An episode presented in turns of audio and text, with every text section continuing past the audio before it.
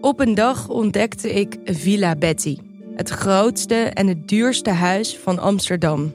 Ik had het jarenlang over het hoofd gezien, maar mijn buurman Kees niet. Hij ziet hoe zijn buurvrouw Betty op haar honderdste uit de villa wordt gezet en al haar spullen op een openbare veiling worden verkocht. Wie heeft haar dit aangedaan? Ik ben Floor Doppen en in mijn podcast Villa Betty ga ik op zoek naar Betty's erfenis. Luister nu in je favoriete podcast-app. Hoe werd het shirt van het onbeduidende Venetia FC een van de best verkochte voetbalshirts van de afgelopen jaren? Wat is er zo geniaal aan de MLS-deal van David Beckham? En waarom vinden we het normaal dat jeugdspelers gezien worden als investeringsobjecten? In de podcast Grof Geld onderzoek ik, Sam van voetbaljournalist, samen met merkstratege Per van der Brink de macht van geld in de voetbalwereld. Wat gaat er schuil achter de wereld van sport en glamour? En wie profiteert er? Luister naar Grof Geld en hoor hoe de Skybox de staantribune beïnvloedt.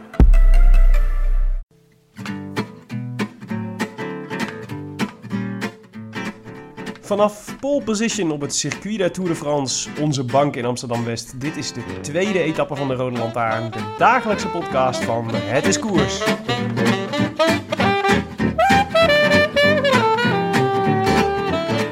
Vandaag etappe 2 van de Tour de France 2016. En dus ook etappe 2 van de Rode Lantaarn, waarin we elke dag, elke dag terug en vooruit blikken op de koers in Frankrijk. Mijn naam is Willem Dudok en tegenover mij zit Tim de Gier. Tim, hoe was de koers vandaag? Wat een begin van de Tour, Willem.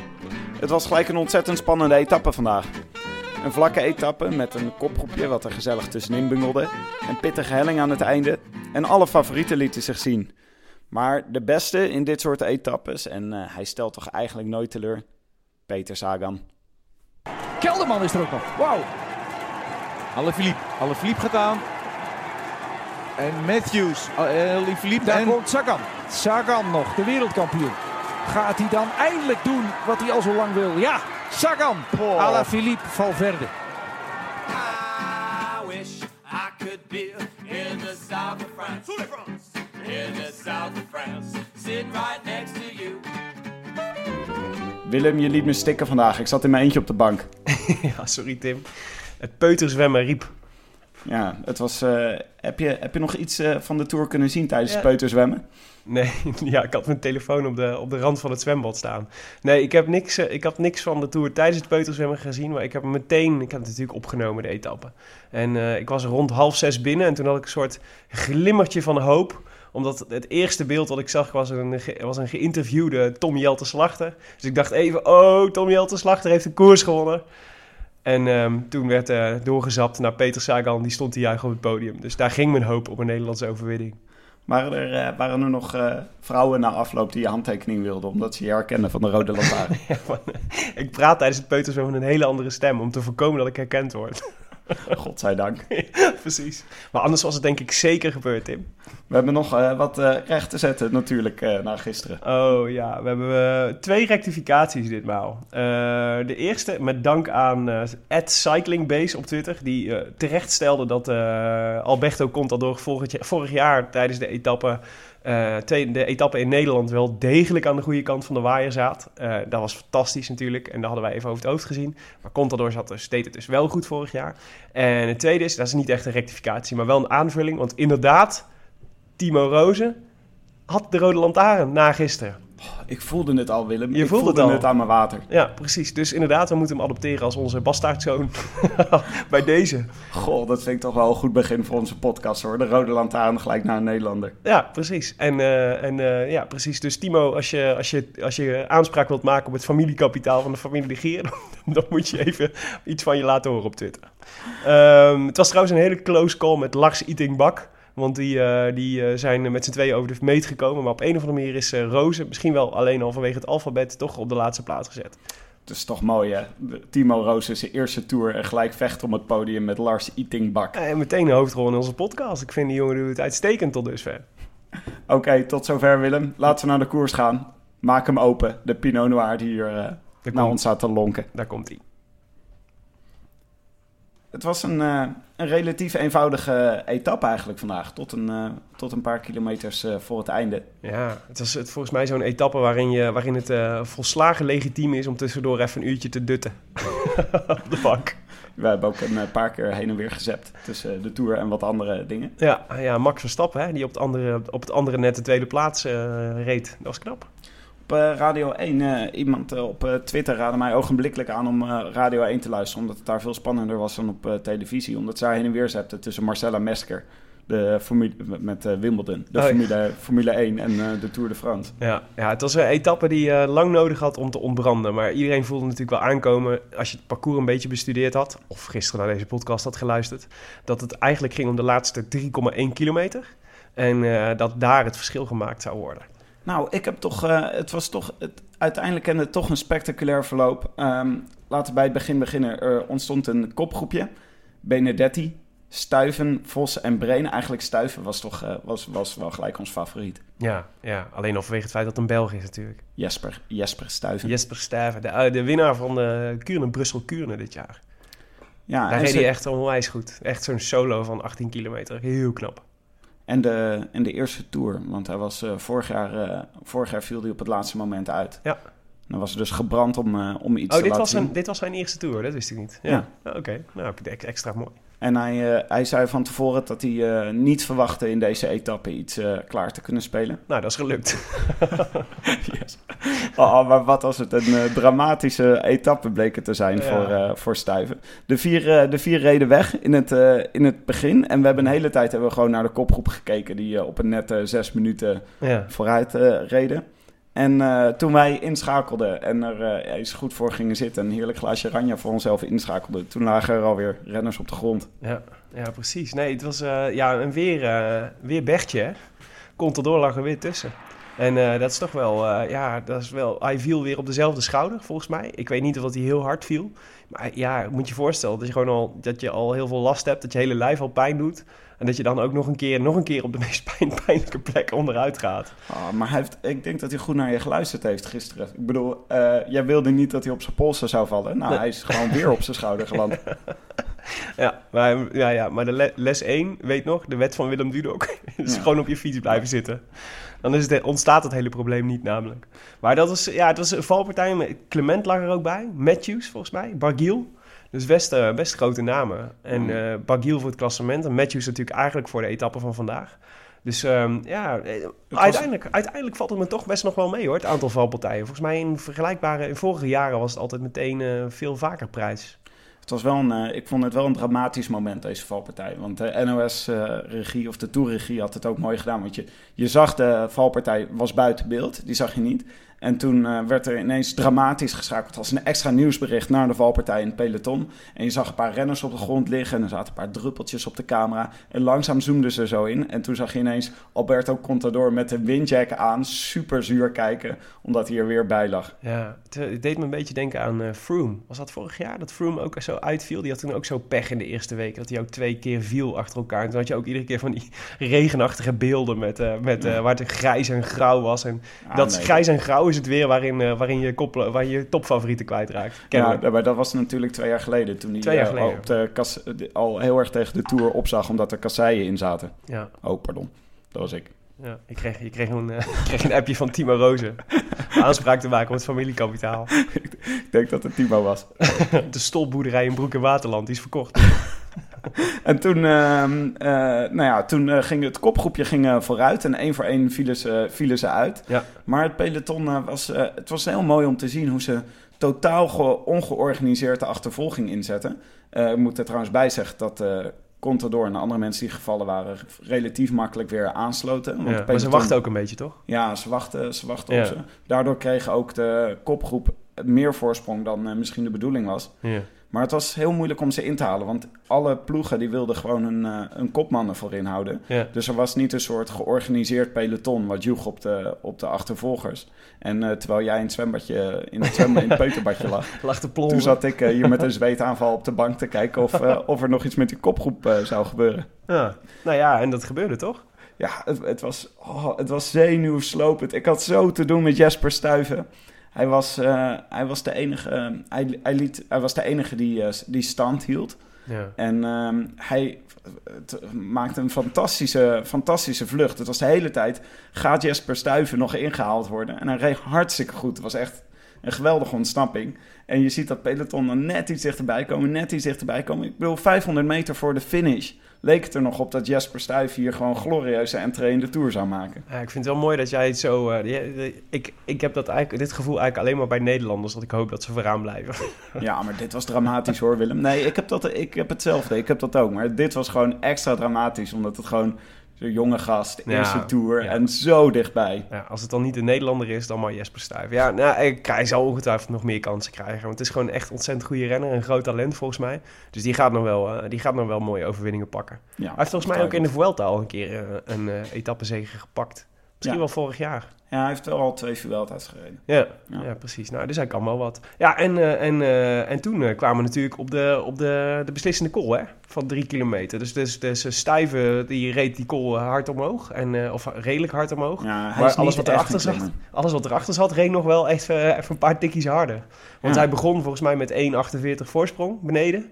En dat was echt als sneeuw voor de zon eh, verdwenen. Het was echt eh, een, se- een seconde per eh, milliseconde. Dat, die, die verdween tussen, tussen hem en het peloton. Ja, mede dankzij Tom Jelte Slachter. Tom Jelte Slachter, precies. Die met een, ja, wel, wel heel vroeg aanging. Eh, wel eigenlijk achteraf natuurlijk veel te vroeg. En volgens mij gaf hij dat zelf ook toe na afloop. Maar hij, hij zei, dat vond ik wel interessant, dat, dat hij ehm, aan, de, aan, de, aan, de, aan een, de ene kant van het peloton zat. En hij zei, ja, er is eigenlijk zijn dan altijd maar, zijn maar een paar momenten waarop je kunt gaan. Omdat je dan de ruimte krijgt en, eh, en, eh, en dat, er dan, dat er dan ineens een gat ontstaat. En dan moet je gewoon instant beslissen, ga ik nu? Ja. Of loop ik het risico dat ik helemaal niet meer kan? Nou ja, hij besloot te gaan. En het zag er wel, er zat wel echt snit op. Maar Ja. ik bedoel, hij zei, oh, die jongen die kan wel fietsen hoor. Ja, maar het was onverwacht, denk ik, voor hem hoe, hoe hard hij wegreed bij het peloton. Ja, ja, Want het was echt, hij had gelijk al een best wel groot gat. ja. En toen, eh, toen leek het erop, je leek ook een beetje aan zijn gezicht te kunnen zien... shit, ik heb dit iets te vroeg gedaan, want ik had werkelijk kans om te winnen hier. moet verdomme nog twee kilometer. Het valt altijd tegen. Valt er al tegen, ja, precies. Nou ja, dus, maar zij hield het nog best wel lang, best wel lang stand. En, eh, en toen kwam mijn, eh, mijn grote favoriet, Alaphilippe. Die Ja. kwam, eh, die kwam eh, opzetten. En eh, ja, net als jij gisteren met, met jouw Sagan in je, in je voorspelling... had ik gisteren Alaphilippe eh eh, gegokt. Dus ongeveer 300 meter had ik nu het gevoel dat ik de Prono ging winnen. Ja. Maar helaas, toen was er onze favoriete Slovaak ooit... die, die, die er nog mee ging lopen. Ik vond het een beetje, ik vond het een beetje lullig hoe Sagan eh, hoe het uiteindelijk eindigde. Want ineens alle klassementsrenners vooraan. Ja. Het was echt was een geweldige machtsvertoon. Maar eh, Sagan, het leek wel alsof hij even à la Philippe dacht... of misschien deed hij het wel voor jou... om even à la Philippe eh, voor te laten... Ja. om er vervolgens in een bocht keurig omheen te rijden. Ja, precies. Alles wat Sagan doet, doet hij om mij te zieken. Ja, maar het was, een, eh, het was prachtig afgemaakt van Sagan. Absoluut, absoluut. Ja, nee. En, en goh, Sagan blijft toch een van mijn favoriete wielrenners ooit.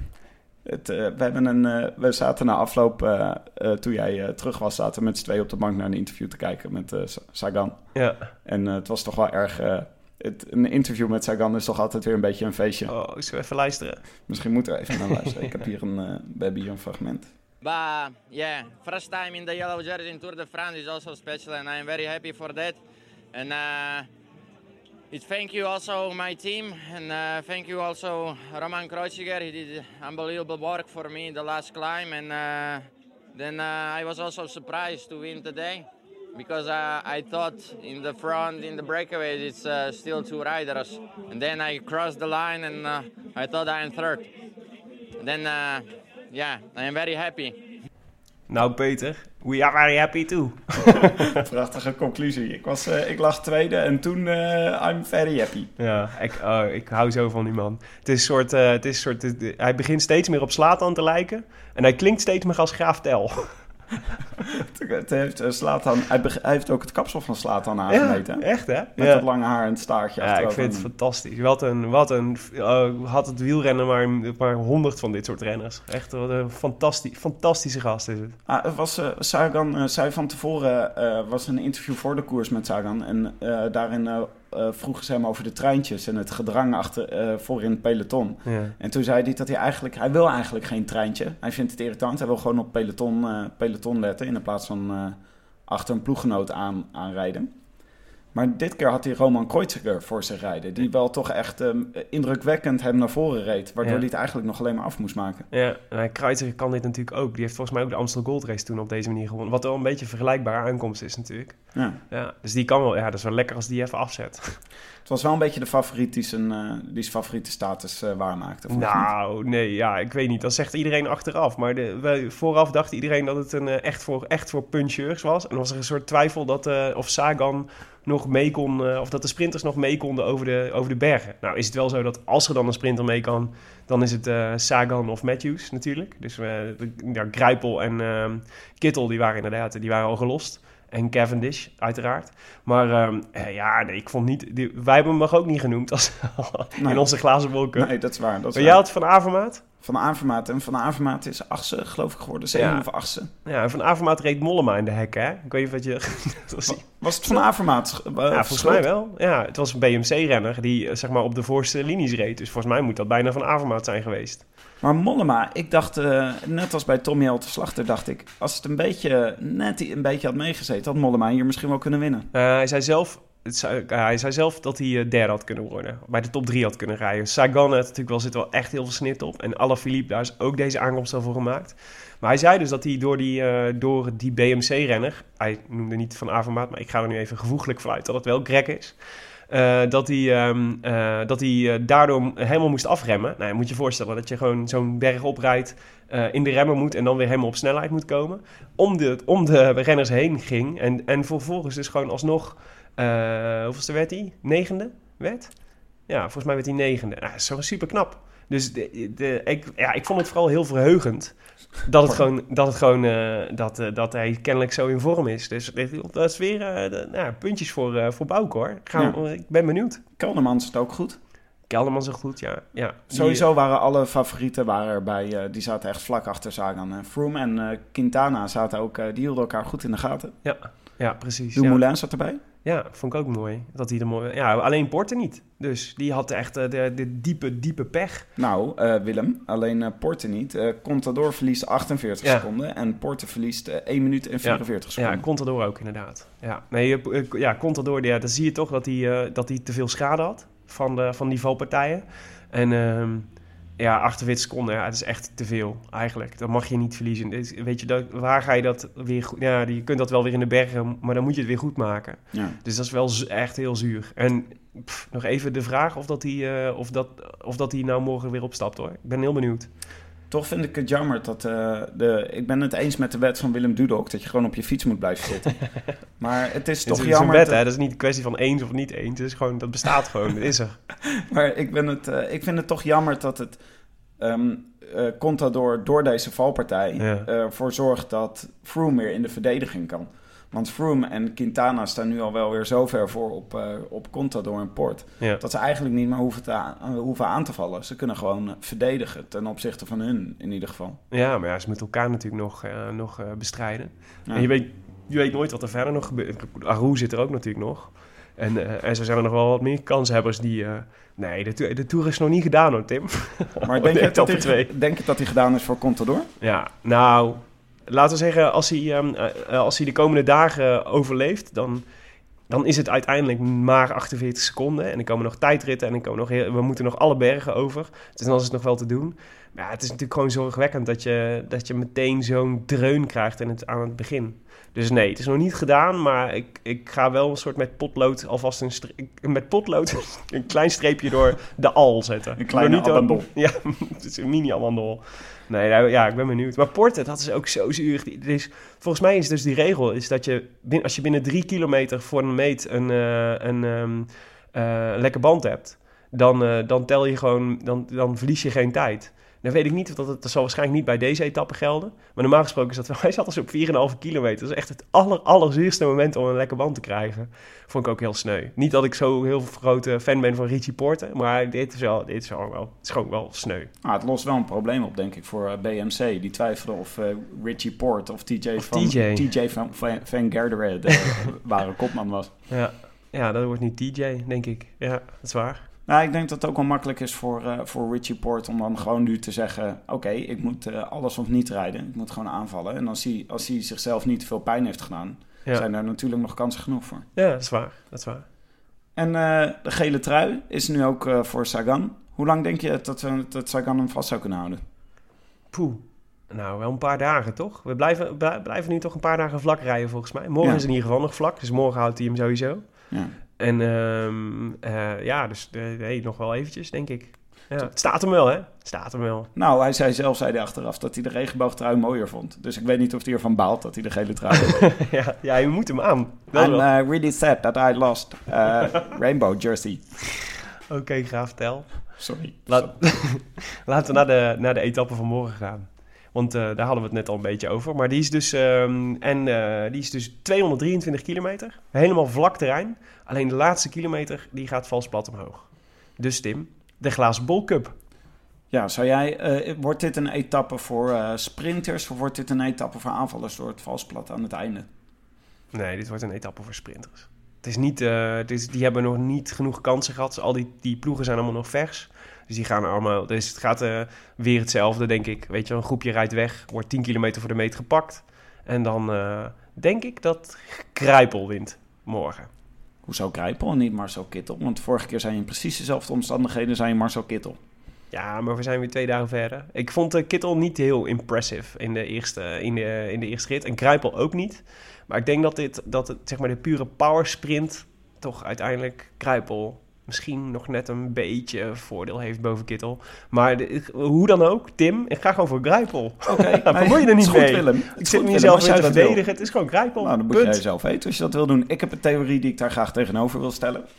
Ik denk dat het eh, equilibrium aan het begin van de Tour de France een beetje verstoord is.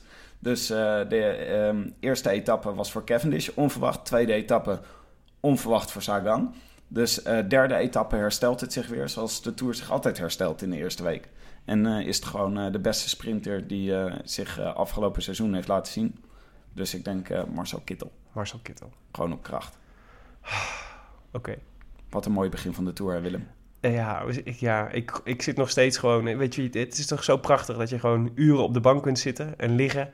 en een dutje kunt doen tussendoor. En dat dat gewoon prima is. En dat die renners gewoon het werk doen. en Dat jij er gewoon van mag genieten. Ik vind dat heerlijk. Ja, ik was, toch wel, ik was vandaag toch wel een beetje gestrest. Het was een gestreste etappe. Ik had ook het gevoel dat eh, de renners allemaal een beetje gepanikeerd uit hun eh, ogen keken.